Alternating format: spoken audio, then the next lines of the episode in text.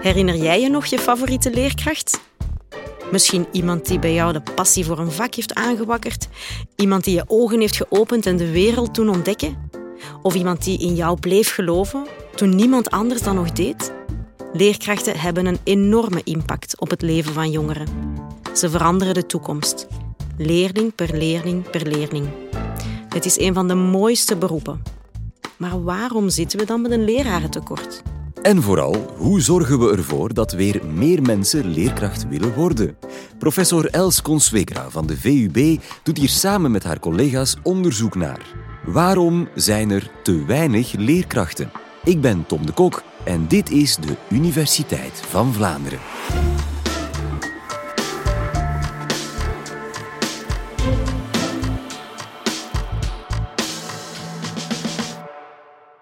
Er zijn te weinig leerkrachten en het tekort is nijpender dan ooit. Tijdelijke vacatures raken nauwelijks of niet ingevuld. We hebben nog een aantal vacatures openstaan. Wij zijn momenteel op zoek naar twee voltijdse kleuterleerkrachten. Maar voorlopig krijgen we geen invulling daarop. Iedereen kent wel een leerkracht of is zelf leerkracht en heeft een mening over het lerarentekort. In deze podcast gaan we op zoek naar wat de wetenschap ons leert over oorzaken en mogelijke oplossingen voor het probleem. En we beginnen bij het begin. Hoe groot is het probleem eigenlijk? Als ik eind september met directeurs spreek, dan zijn die nog volop leerkrachten aan het zoeken. Ook in de school van mijn oudste dochter zijn ze nu al maanden op zoek naar kandidaten om zich te melden voor een job als leerkracht. En het breekt mijn hart telkens als ik die verweerde flyers zie hangen aan de schoolpoort. En dit soort verhalen zal voor velen herkenbaar zijn. Ze komen ook jaarlijks uitgebreid aan bod in de pers in september. Het wordt voor veel leerkrachten extra hard werken morgen, want ze zitten met een tekort. De verhalen van die wanhopige directeurs die al lang niet meer kieskeurig zijn en al blij zijn als ze überhaupt iemand vinden die bereid is om de job te doen. We hebben vacatures geplaatst via de VDAB, onze kanalen, sociale media. Cijfers van de VDAB liegen er ook niet om. Eind augustus 2021 zaten we nog met zo'n 1500 openstaande vacatures voor leerkrachten in het secundair onderwijs. Dat was een verdrievoudiging in vergelijking met de situatie in augustus een jaar eerder. Toen waren er nog zo'n 600-tal openstaande vacatures. In het basisonderwijs een gelijkaardig, maar iets minder dramatisch beeld. Toen hadden we in 2020 een tekort van zo'n 360 leerkrachten in augustus en een jaar later, in 2021, was dat verdubbeld naar een tekort van 760 leerkrachten. Ook uit berekeningen van de Vlaamse Onderwijsraad blijkt dat er inderdaad een tekort is en dat dit tekort groeit. Komt dat tekort nu plots uit het niets? Nee. Wat we zien is dat het ook een terugkerend probleem is elk jaar. Alleen zien we nu dat het een pak vroeger optreedt. Het is geen goed nieuws. We zijn straks in september dat er nu al leerkrachtenuren openstaan. We hadden het kunnen zien aankomen. Wie de geboortecijfers in de gaten houdt, kan perfect voorspellen wanneer er een toename van leerlingenaantallen zal zijn en dus ook een grotere vraag naar leerkrachten. Sinds 2000 kent ons land een bevolkingsgroei, zeker in de steden. En als gevolg daarvan neemt het aantal leerlingen in ons onderwijs toe. Eerst in het kleuteronderwijs, dan in het basisonderwijs en uiteindelijk ondertussen ook in het secundair onderwijs. En die groei in leerlingenaantallen die is niet gepaard gegaan met een groei bij leerkrachten. Integendeel, die is gepaard gegaan met een inkrimping van ons lerarenkorps. Er is in Vlaanderen een pensioneringsgolf aan de gang en het aantal leerkrachten dat uitstroomt wordt niet gecompenseerd door voldoende nieuwe leerkrachten die instromen. Tegelijk moeten we het tekort ook nuanceren. Ja, er is een tekort, maar het tekort is niet overal even groot. We zien vooral een tekort in bepaalde vakgebieden, in bepaalde specialisaties en bepaalde regio's. We komen bijvoorbeeld leerkrachten tekort in de vakgebieden Frans, wiskunde, wetenschappen of praktijkvakken in het beroepsonderwijs. En ook is er een tekort aan leerkrachten die gespecialiseerd zijn in het omgaan met kinderen met een fysieke of mentale beperking of met leer- en gedragsstoornissen.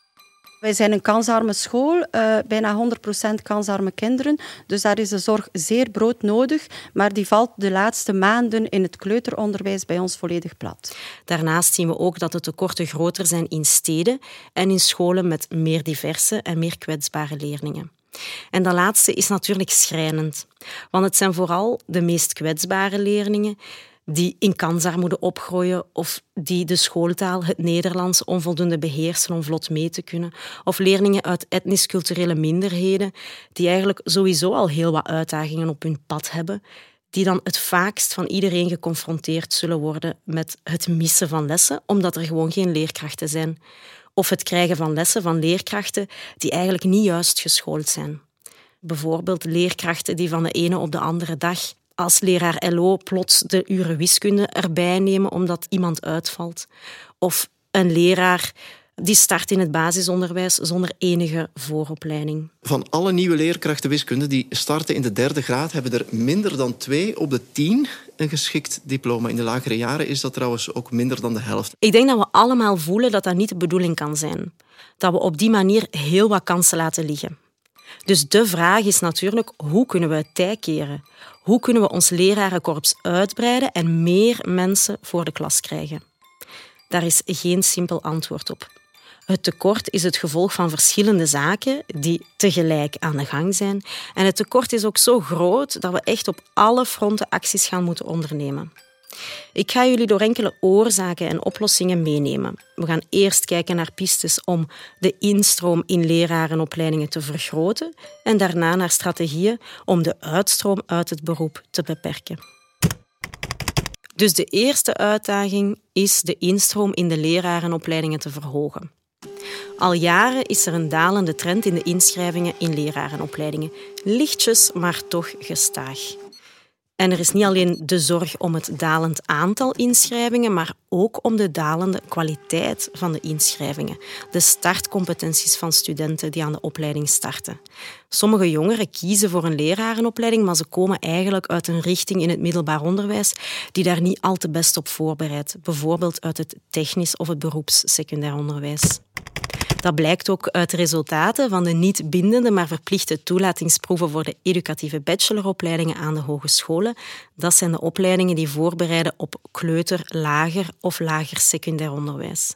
En studenten die aan die proeven meedoen, die scoren daar vaak niet zo goed op. En dat heeft voornamelijk te maken met de aantrekkelijkheid van het lerarenberoep. Uit internationaal vergelijkend onderzoek blijkt dat landen die wel meer en sterkere profielen aantrekken, dat dat ook landen zijn waar de sociale en economische status van het beroep hoger is. Een van de zaken die geassocieerd is met die hogere status is het imago van de leerkracht in Vlaanderen, dat eigenlijk slechter is dan vroeger, omdat de lerarenopleiding zelf ook niet altijd zo'n goed of professioneel imago heeft. Het zijn eigenlijk soms heel snelle routes naar het leraarschap die in het verleden geïntroduceerd zijn, die aan de basis liggen van statusverlies. Veel mensen behalen snel een diploma, maar staan dan minder goed voorbereid voor de klas. Hierdoor krijg je een lerarenkorps dat eigenlijk weinig professioneel is en dat vooral op buikgevoel en intuïtie afgaat of dingen kopieert die ze toevallig zien dat leerkrachten rond hen doen, maar die niet per se voor hun klas in hun situatie ook gaan werken. Er wordt niet gewerkt vanuit wat we weten uit onderzoek dat effectieve manieren zijn om leerlingen tot leren te brengen. Op korte termijn stromen er op die manier wel veel leraars in, maar op langere termijn zet je het beroep een beetje in de uitverkoop en doet je geen eer aan de complexe vaardigheden die je moet verwerven om als leerkracht aan de slag te gaan.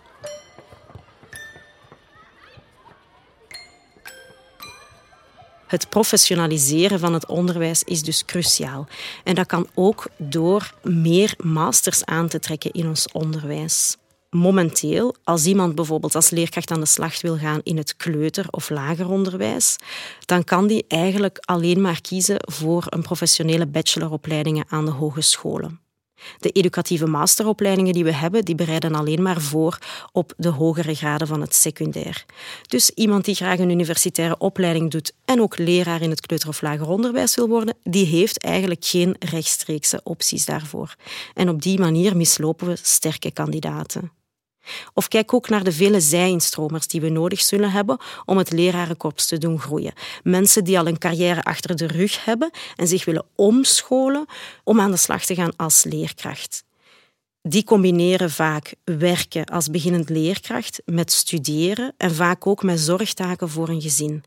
Dat is enorm zwaar En ze verdienen ook minder zolang ze dat diploma niet behaald hebben. Dus voor hen is het vooral belangrijk om snel dat diploma te verkrijgen. En ik heb ook zo'n studenten. Het is verleidelijk om het makkelijker te maken voor hen om het diploma te behalen. Maar dat is geen duurzame strategie. Naast die professionaliteit van de leraar kunnen we de sociale en economische status ook verhogen door in te zetten op meer economische voordelen voor de leraars. We kijken dan in de eerste plaats naar het salaris, maar dat is in Vlaanderen eigenlijk al best hoog in vergelijking met andere regio's. Wel kunnen we nog werk maken van andere economische beloningen of motivaties, zoals bijvoorbeeld snellere werkzekerheid voor nieuwe leerkrachten of woonbonussen voor leraren om hen toe te laten dichter bij hun school te gaan wonen, net in die duurdere stedelijke gebieden waar we net zoveel leraren tekort hebben. Het meenemen van anciëniteit voor zij-instromers is ook een belangrijke strategie. Vandaag kunnen mensen die als zij-instromer instromen in het leraarschap, mensen die dus al een carrière hebben elders, die kunnen wel anciëniteit meenemen, maar dat is alleen in beperkte situaties. Het is afgetopt tot acht jaar en het geldt alleen voor vakken die knelpuntvakken zijn. Als je dus de keuze wilt maken om van de private sector naar het onderwijs over te stappen, zal dat voor heel veel mensen een inkomensverlies betekenen van soms wel honderden euro's per maand, hè, omdat je terug aan de slag gaat aan een startersloon als leerkracht. Er zijn niet veel mensen die zich dat kunnen permitteren, natuurlijk. En dan komen we op een derde punt, wat belangrijk is om de status van het lerarenberoep te verhogen. En dat is ook om een diverser profiel van leraren aan te trekken. Vandaag zijn het eigenlijk vooral witte middenklasse vrouwen die we weten te bereiken om in de job te stappen, zeker in het kleuter- en lager onderwijs. We laten eigenlijk de helft van de bevolking links liggen. Mannen, mensen met een migratieachtergrond, daar recruteren we amper. Een student van mij die screende de promotiematerialen van alle lerarenopleidingen lager onderwijs in Vlaanderen. En die stelde daar vast dat de beelden die gebruikt worden echt nog van die typische afgezaagde beelden zijn van vrouwen voor een krijtbord in een saaie klas en met kindjes met een tandpasta glimlach op hun schoot. En oké, die schattige kindjes op de schoot, dat is ook effectief een deel van het leraarschap. En zeker geen onbelangrijk deel, maar dat is niet het enige. Uit een grootschalig tijdsmetingsonderzoek dat ik met collega's op de VUB heb uitgevoerd, blijkt dat leraren natuurlijk veel meer doen dan dat lesgeven en dat werken met de leerlingen zelf. Ik ben Jannik van de Vijver en ik geef les aan het Onze Lieve Vrouw College in Antwerpen. En ik geef wiskunde en techniek. Wiskunde in het eh, tweede en derde jaar en techniek in het eerste jaar. Jannik, ik dacht dat leerkrachten vrij hadden op woensdagnamiddag. Ja, ik ben wel vrij geroosterd op woensdag namiddag, maar ja, je moet natuurlijk ook lessen voorbereiden, klasbezieningen voorbereiden, andere uh, buitenschoolse activiteiten. Dus geheel vrij ben je nooit eigenlijk. Ze kloppen eigenlijk meer uren dan een voltijdse in andere sectoren. En zeker in de lesweken kunnen daar pieken bij zitten van werkweken van 50 uur per week. Toen dat ze mij vroegen op voorhand hoeveel denk je dat je werkt per week, zei ik 50 uur. Dus uh, allee, dat ligt er eigenlijk best dichtbij. En ik ben blij dat het nu ook eens zwart op wit gezet wordt. Waarom? Omdat heel veel mensen dat gewoon niet geloven. Die denken, ja, uh, om vier uur is het toch gedaan en uh, dan is het toch boekentas aan de kant. Ja, dat is helemaal niet zo natuurlijk. En die andere zaken die ze dus doen bovenop die uren in de klas, die worden amper in beeld gebracht als we mensen proberen te werven voor het leraarschap. Het is belangrijker om een vollediger beeld te geven van de job, omdat we op die manier ook veel meer mensen kunnen aanspreken.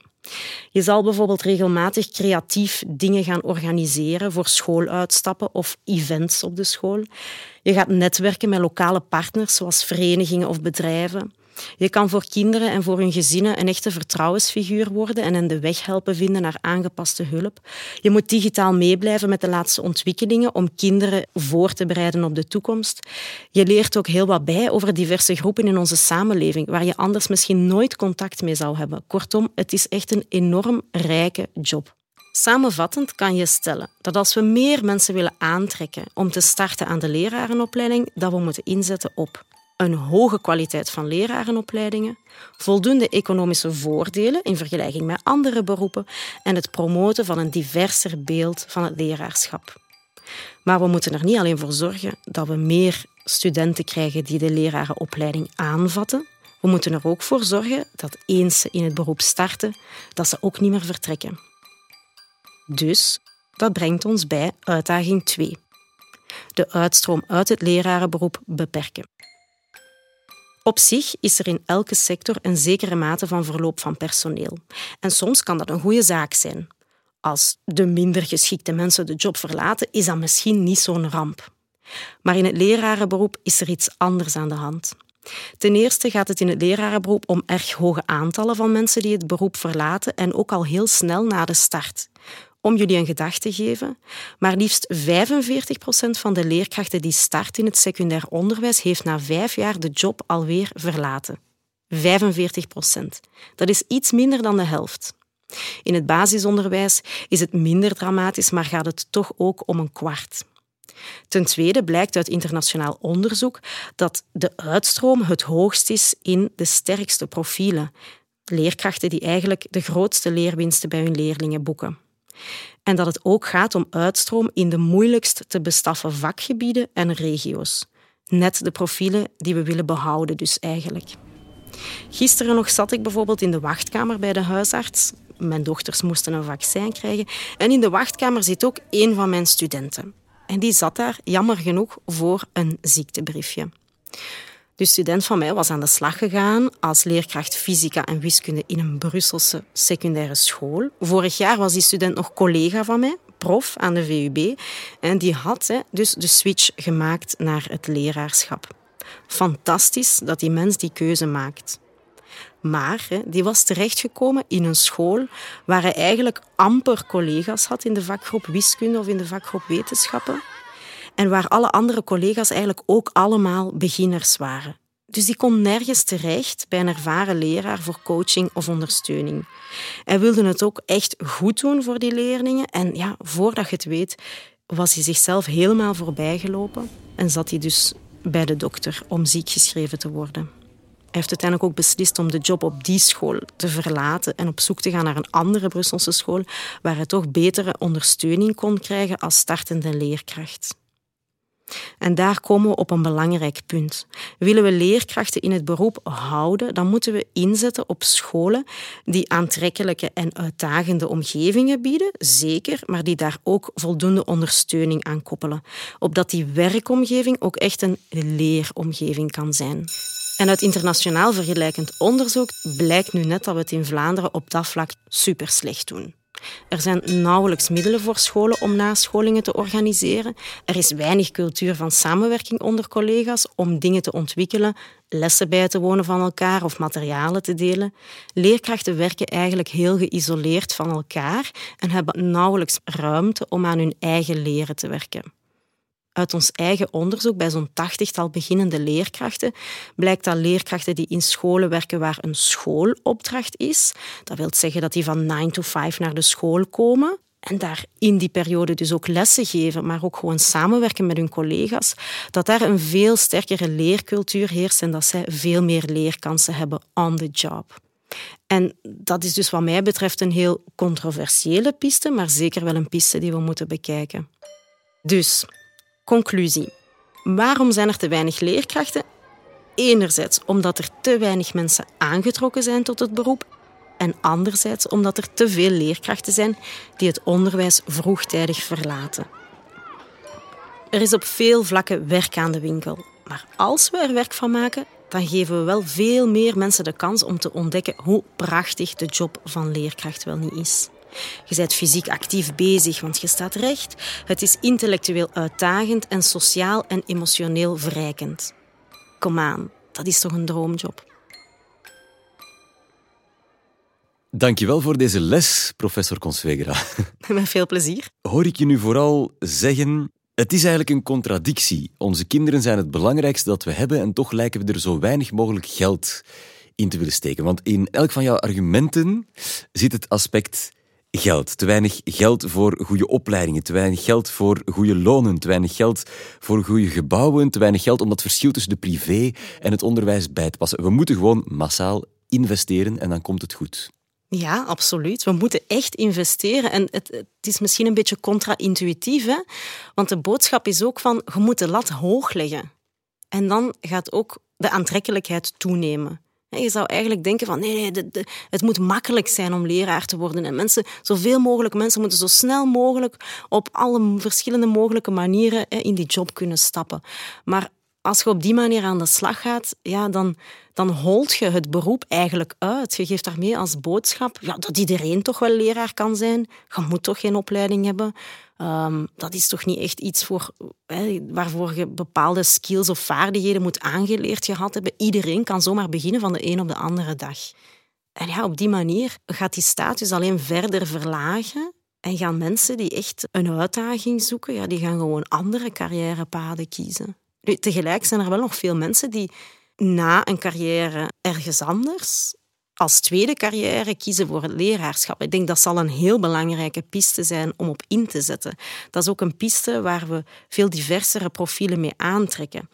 Als je de groep vergelijkt die eigenlijk als eerste keuze kiest voor leraar, of de groep die, als, die al na een, een eerste carrière kiest voor leraar, dan zien we dat er in die tweede groep veel meer mannen zitten, veel meer mensen met een migratieachtergrond zitten.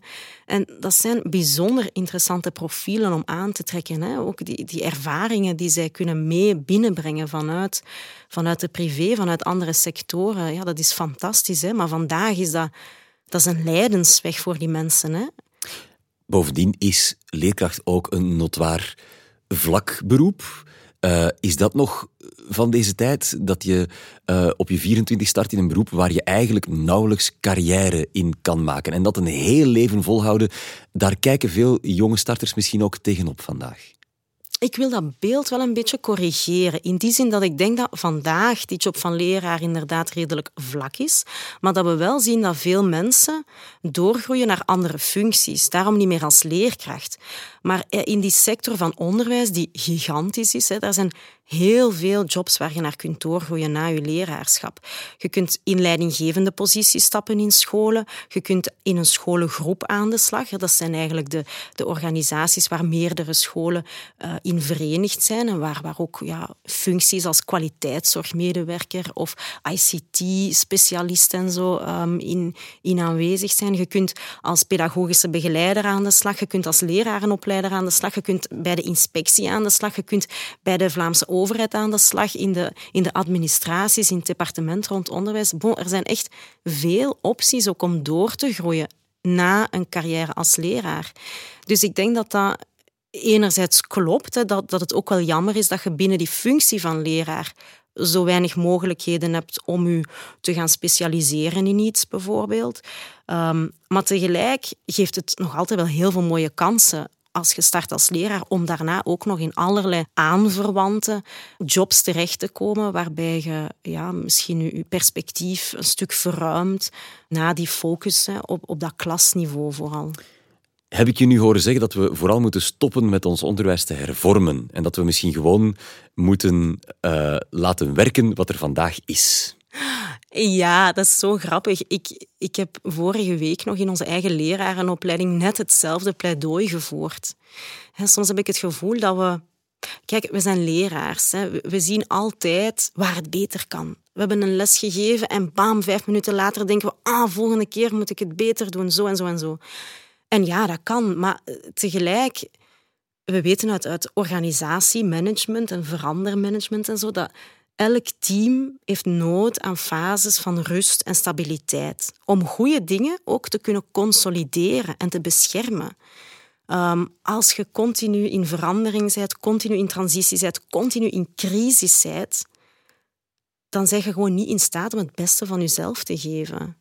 Dat is echt uh, een valkuil. Eh, ik denk die, een, een valkuil die heel herkenbaar is voor heel veel mensen die in onderwijs werken. Dankjewel, professor Consuegra. Gelukkig kan je ook zonder leerkracht bijleren. En daarvoor ben je bij ons aan het juiste adres. Ontdek elke donderdag en zondag een nieuwe podcast op dit kanaal. Als je zin hebt in meer wetenschapsweetjes, dan kan je ons ook volgen op Facebook, op Twitter en op Instagram. Heel graag tot een volgende keer.